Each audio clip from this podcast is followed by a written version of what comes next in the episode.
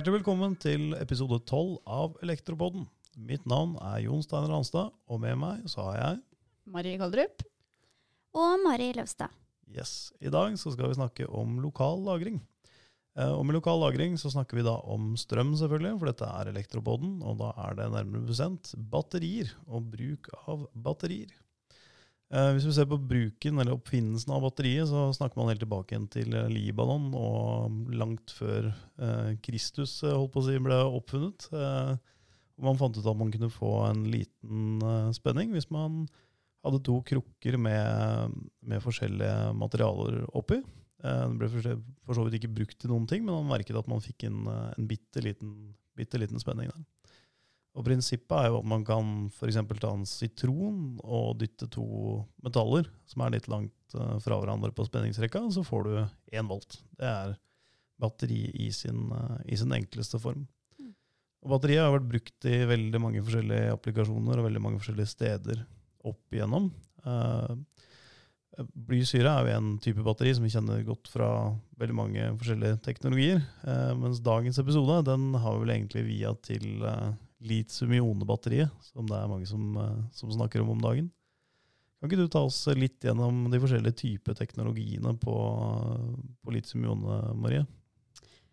Jo, for litium-ione er jo en fellesbetegnelse. Det gjelder jo da alle batterier som bruker litium-ioner som da indre ladningsbærere, som det heter så fint. Eh, og da kan jo den kjemien på hvordan disse batteriene er oppbygd, variere litt, da. Så de vanligste materialene sånn i Du nevnte de to elektrodene, som mm. da kalles katode og anode. Ja. Eh, det vanligste å bruke som materiale på katoden er jo enten litiumoksid eller litiumfosfat. Og i anoden så er det karbon som er det vanligste. Ja. Um, så forskes det jo da på forskjellige typer eh, sånne ladningsbærere, om det er faststoff, eh, eller om det er eh, silikon, eller eh, silisium-basert, som det heter på norsk. um, så ja, Men det som er uh, mest brukt i dag, da, det er jo flytende. Altså litium-ione elektrolytter som er flytende. Ja, Man har flytende elektrolytter i batteriene? Mm. Riktig. Det blir på samme måte som man har saltsyre i et uh, blysyrebatteri? Riktig. Ja. ja, for det, det, jeg har hørt, er at Toyota egentlig venter på at det kommer solid state-batterier. Altså med fast stoff inni batteriet. Mm. At det er det de venter på, for de mener at det er et tryggere da, å gå ut med, med solid state-batterier. Ja, det blir spennende å følge det videre. Jeg har troa på det. Jeg tror også at da kan man utnytte mer av energien som ligger inne i uh, batterikjemien. Ja, ikke sant. Mm. Det har vært ganske revolusjonerende å se hva litium-ionebatteri kan brukes til. da. Sånn de siste ti årene, for å si det sånn, hvor man har fått uh, oppblomstring av den elektriske bilen. Mm. Det har jo vært grunnlaget for alt av elektriske kjøretøy som vi har fått. Ja, litium har jo utkonkurrert nikkel, blant annet. Ja, nikkel-molybdenhydrid og den gamle teknologien der forsvant jo over natten når man fikk eh, litium-ionebatterier. Mm. Og alle mobiltelefoner, selvfølgelig, med, med den uh, si, taletiden man har på mobiltelefonen i dag, var helt utenkelig på de første telefonene som brukte en annen type batteriteknologi. Nettopp nikkel-molybdenhydrid. Mm. Men spørsmålet er jo hvorfor skal vi lagre energi? Altså Helt åpenbart så er det jo en mobiltelefon fordi at du skal kunne ta den med deg. Og slippe å ha den kobla til nettet. Men her snakker vi også om lagring til litt andre type formål. Ja, det stemmer jo. Altså, eh, først og fremst så er det jo for å få fleksibilitet. Altså Ifølge Statskraft så er det jo snakk om at eh, rundt 70 eh, skal være fornybar energi i 2040. Mm. Uh, og fornybar uh, energibærere, sånn som sol og, og, vind, det er jo ikke noe vi kan regulere. Mm. Uh, vi får strøm når det er når det er sola står på, eller når vinden blåser. Mm. Um, så da for å kunne på en måte ha en, en, en, kraftforsyning hele tiden, så har vi da til nå vært veldig avhengig av av disse eh, altså olje, gass eh, og den slags som vi kan styre. Eh, vi i Norge er jo heldige at vi har vannkraft, eh, som er en veldig regulerbar kraftkilde. Vi kan åpne dammen når vi trenger strøm, og, og, og demme opp når vi ikke trenger det.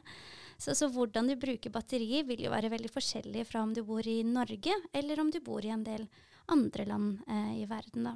Mm. Så eh, sånn sett er det jo så batterier er først og fremst en veldig god sånn kortsiktig eh, Eller kort, kort, eh, kortvarig balanselagring eh, på strømnettet. Ja, fordi Eh. at produksjonen også fluktuerer. Altså når det blåser, så lager man strøm, og når det ikke blåser, så blir det ikke noe strøm. Ikke sant? Men greit, hvis du skal da lagre eh, en ukes forbruk av solstrøm i et batteri Mm. eh, i, et, i et privathus, Mm. så er det snakk om at da må du ha et ganske stort batteri. Mm. Og det lønner, lønner seg ikke. Så, men det å f.eks. lagre solstrøm eh, for å bruke det på kvelden, Mm. eller bruke det dagen etterpå, eh, det går greit. Og da kan du jo så spare inn, altså slippe å kjøpe strøm, eller bruke den strømmen som du lager eh, selv, da. Ja, altså rett og slett bare en forsering da, mellom produksjon og, og, og forbruk. Rett og slett. Um, så gir det også en sikkerhet i forhold til uh, dette med kort, eh, kortsiktige eller kortvarige strømbrudd. Mhm. Um, og så er det også noen som syns det er veldig, veldig greit og liker den uh, ideen da, om å være uavhengig av uh, de store strømprodusentene. Ja. Så at de blir ja, at de har mulighet til å være selvforsynt i så måte. da. Ja, så når alle har fullt av solceller på taket, vindmølle i hagen og batterier i garasjen, da blir det bare en liten sytråd inn til, eh, inn til nettselskapet.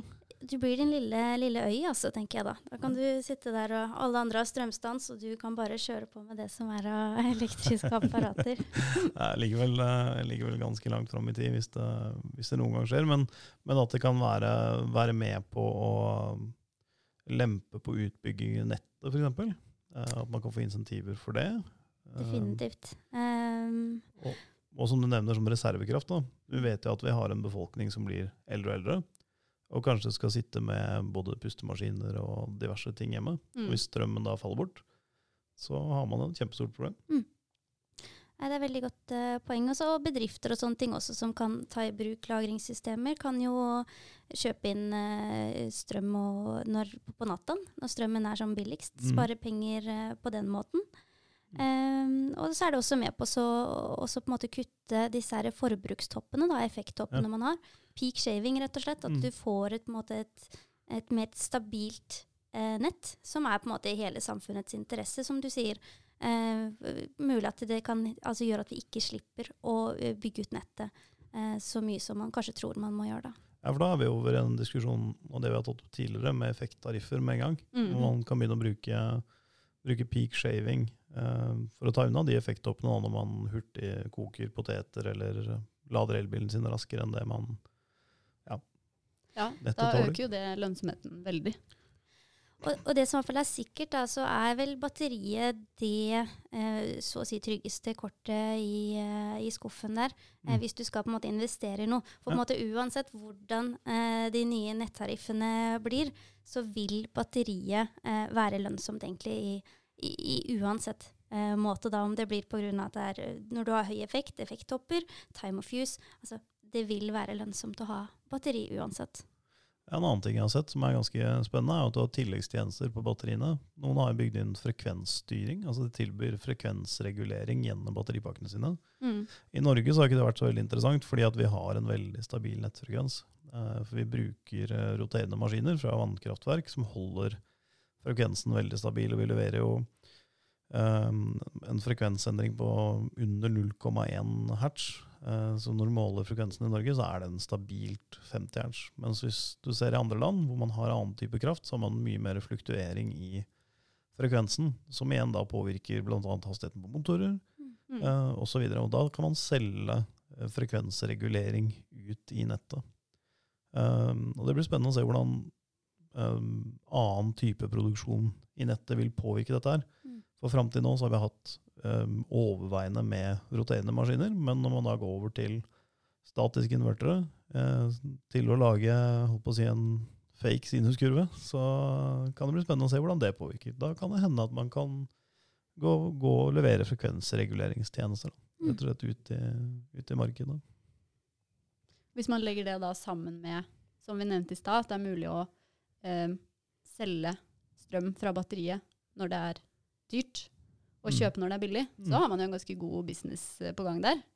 Og hvis du da legger på fluktuering i strømpris og effekttariffer, Mm. så syns jeg det høres ut som en eh, god businessplan, egentlig. Ja, så på sikt så er det i hvert fall eh, kan, kan det bli lønnsomt å være noe du vil gjøre, og vi vil se mer av. Mm. Um, altså de siste nå mellom 2010 og 2018 så har jo prisen på batteriene droppa med jeg lurer på rundt 85 Oi.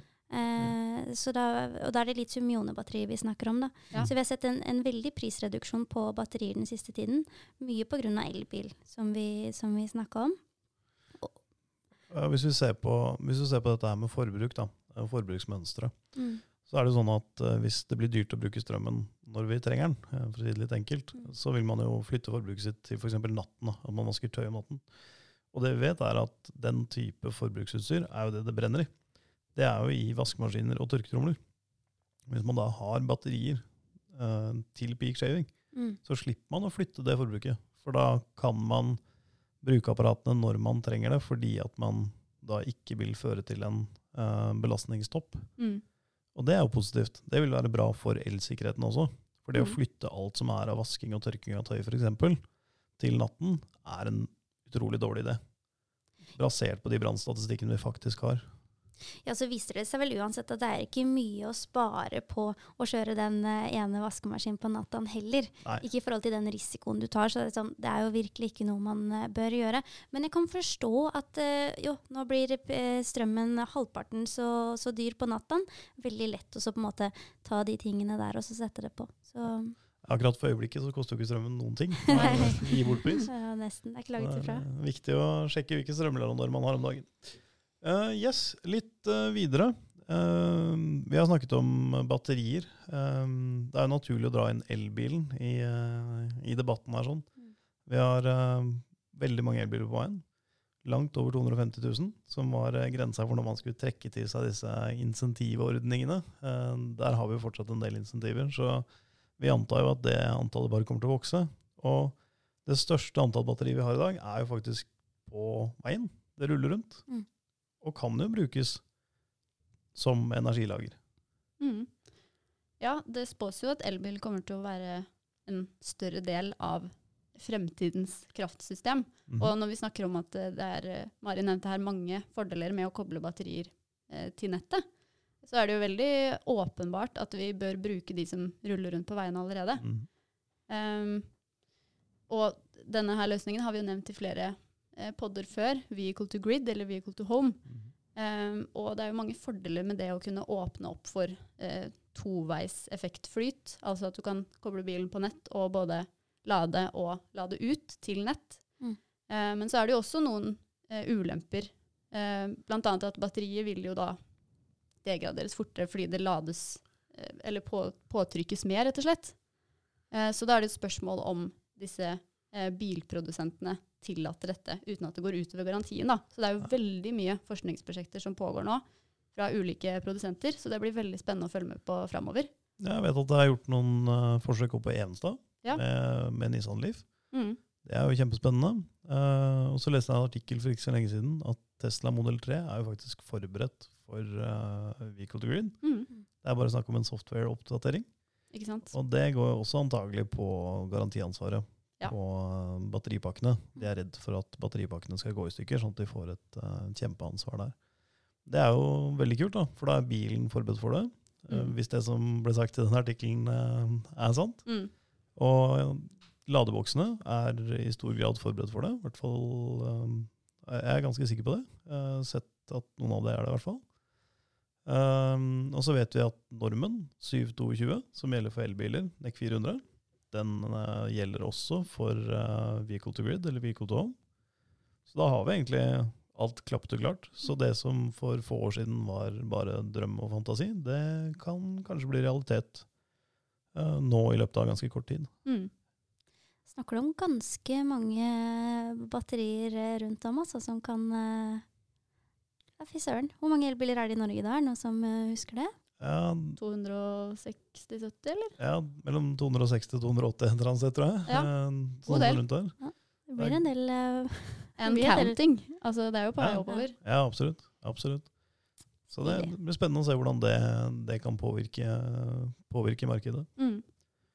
Uh, men det er klart, uh, når man snakker om elbil, så blir det ofte omtalt som veldig brannfarlig og veldig farlig.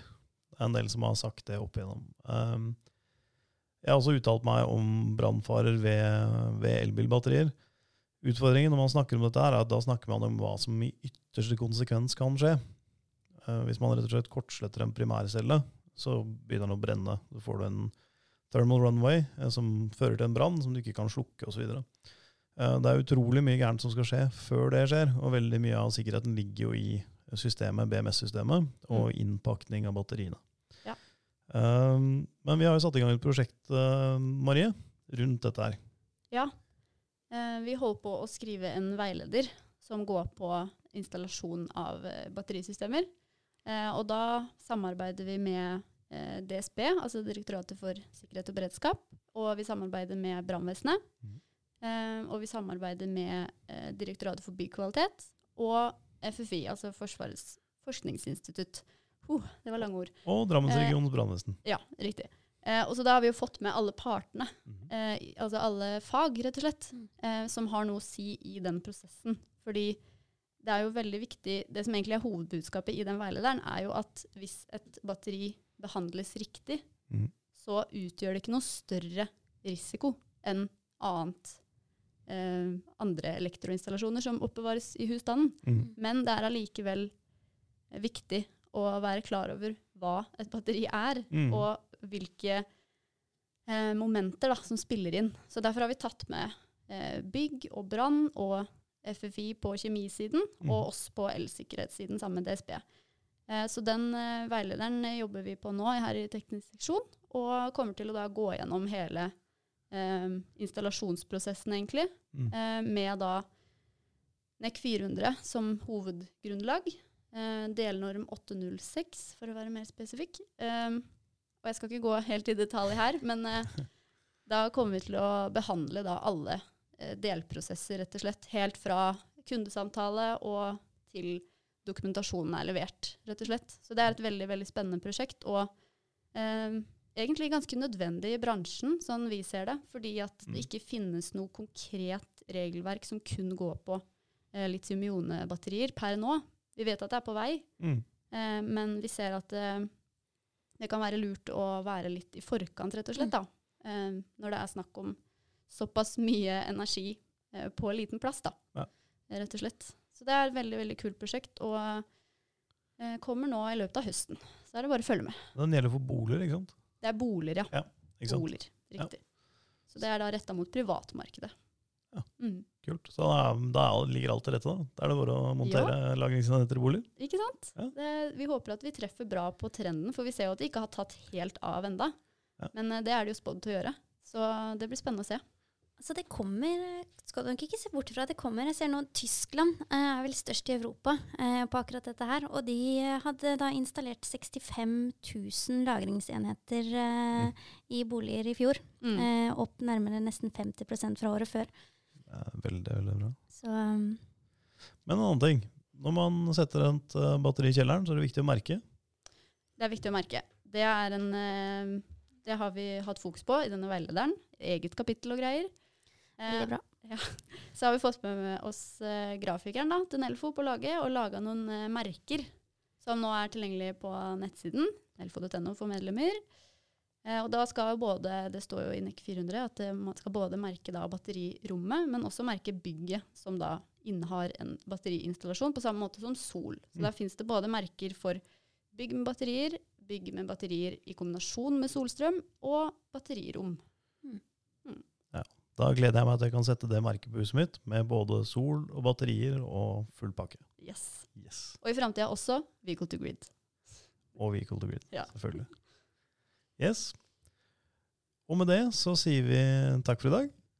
Ja, takk for i dag. Takk for i dag, ja. Takk for i dag. Vi hørs. Ha det